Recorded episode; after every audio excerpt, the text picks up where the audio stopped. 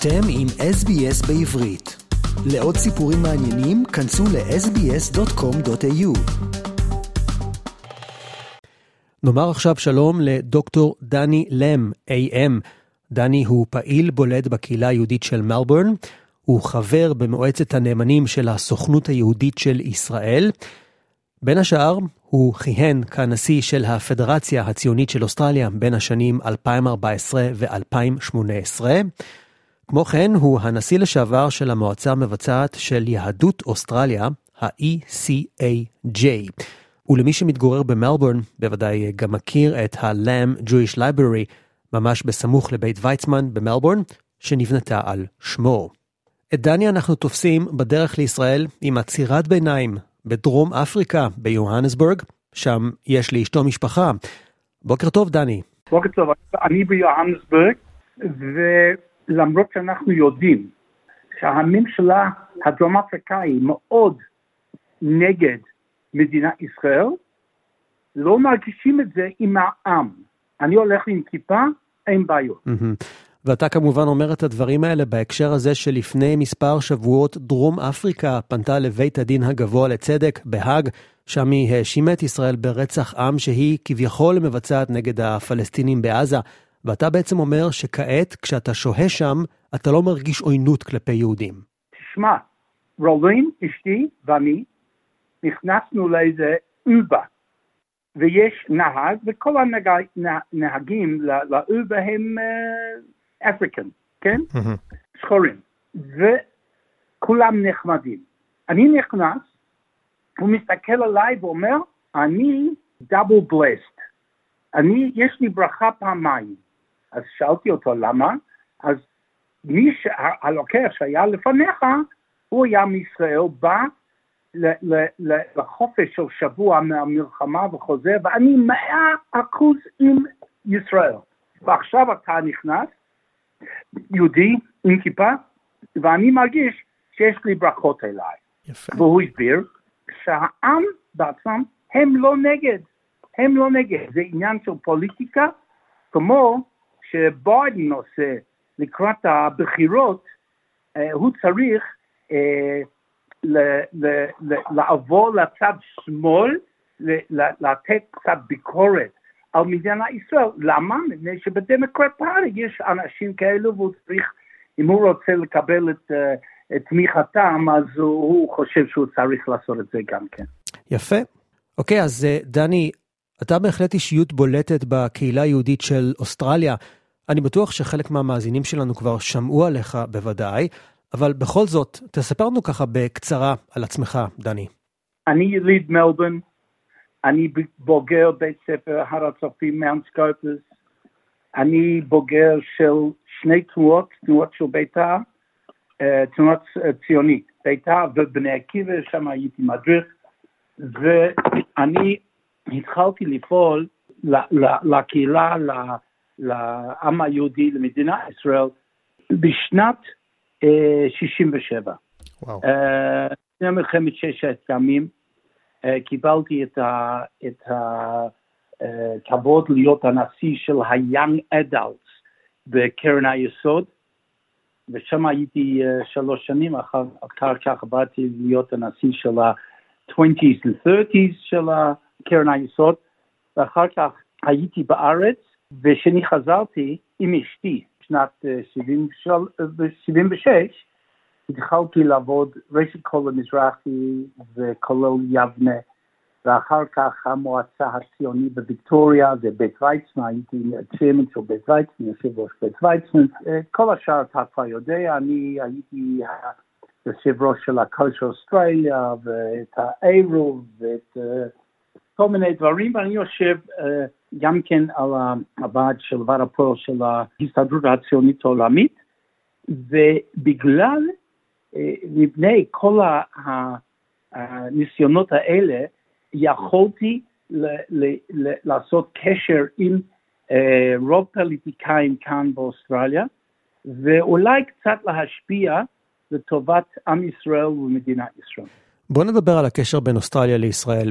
האירועים הנוראים ב-7 באוקטובר השפיעו קשות על הקהילה היהודית וגם הלא יהודית באוסטרליה. לאור האירועים, מה תוכל לומר על הקשר של הקהילה היהודית באוסטרליה לישראל?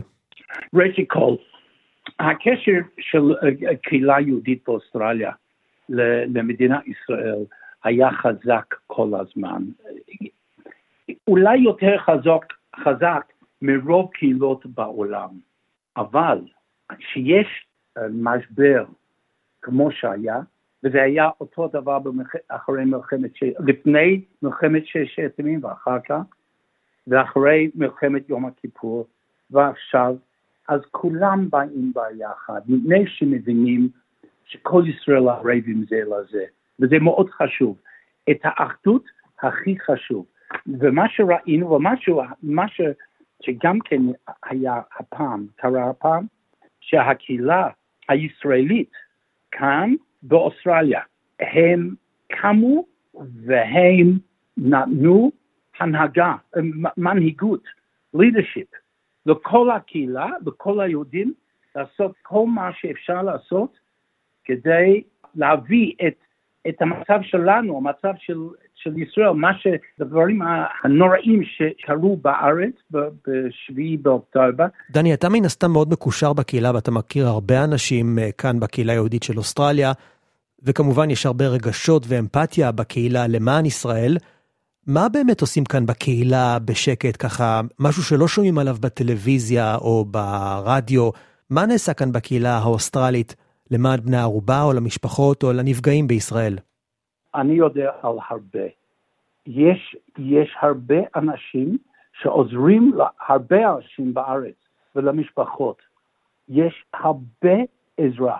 ולמשל, יצא מכתב מקרן היסוד, כמה כסף הם אספו עכשיו, שזה הרבה פעמים יותר ממה שזה רגיל.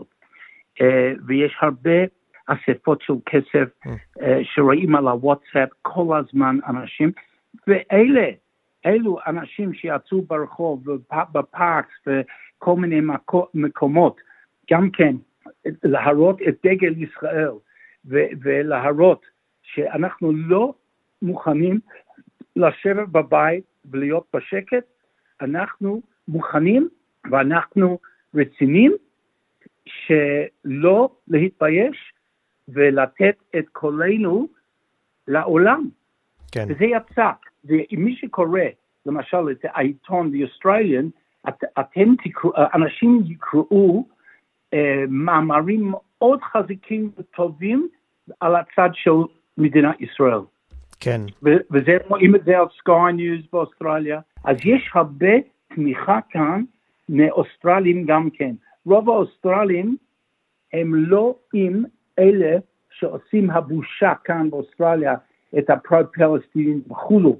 הם לא, הם לא בצד של פני וונג ואלבניזי והממשלה הזאת, ש, שלא יכול להתנהג כמו אנשים שיש civilization איתם. הזכרת את הממשלה פה, ונוצר הרושם שהדעות של הממשלה הנוכחית הן לא בדיוק על הצד הישראלי, שהיא זאת שהותקפה באכזריות. האם אתה מסכים עם הדעה הזאת, ומה ניתן לעשות בכדי לשנות את הגישה הזאת?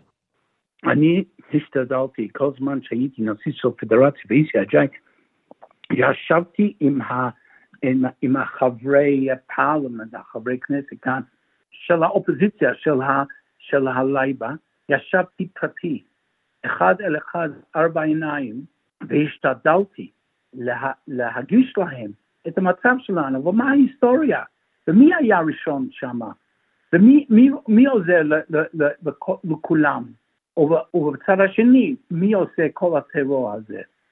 ויש אנשים שלא יכולתי לשכנע אותם. עם מי נפגשת?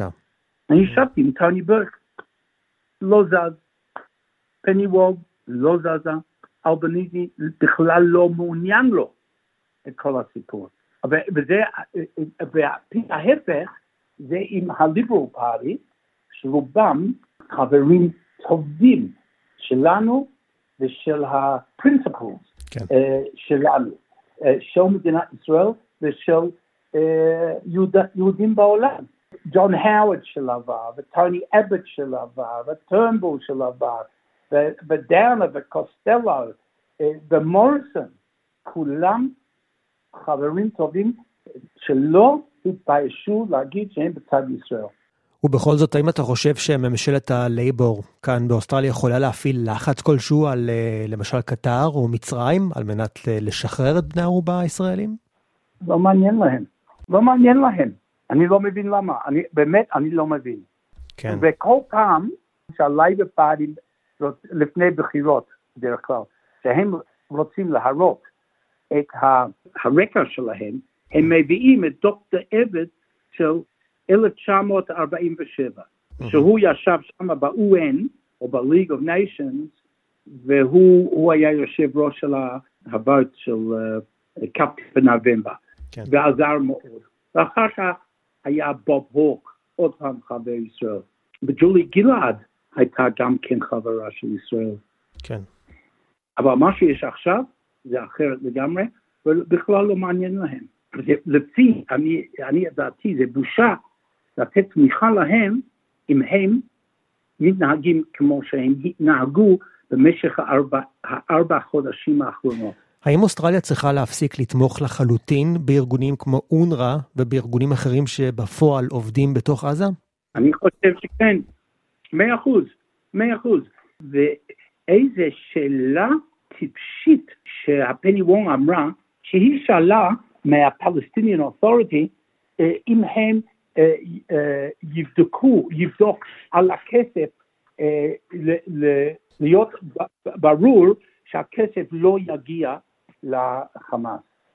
איזה שטויות.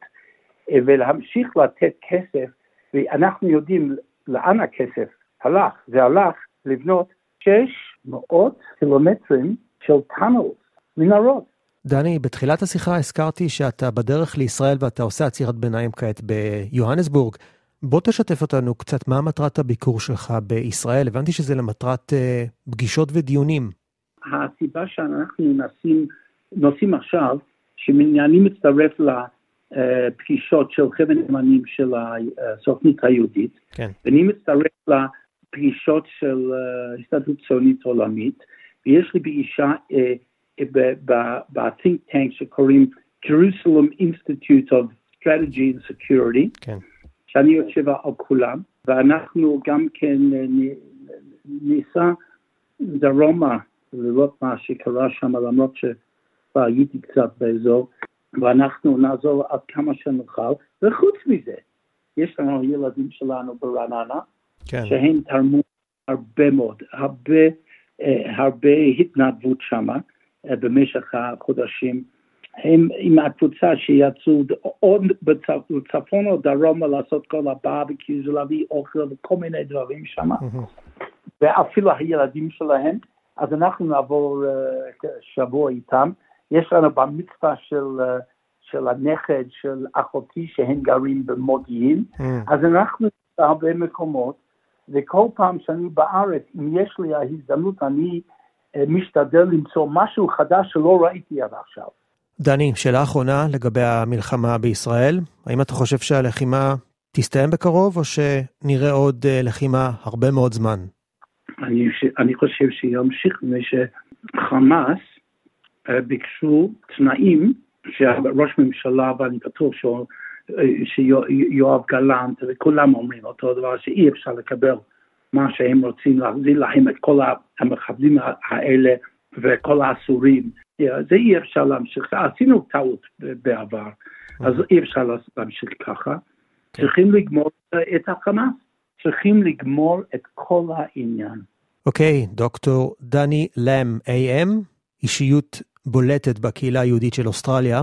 תודה רבה על השיחה ושיהיה לכולם בהצלחה. כל טוב, בהצלחה, ביי. רוצים לשמוע עוד סיפורים? האזינו דרך ה Apple Podcast, Google Podcast, ספוטיפיי, או בכל מקום אחר בו ניתן להאזין לפודקאסטים.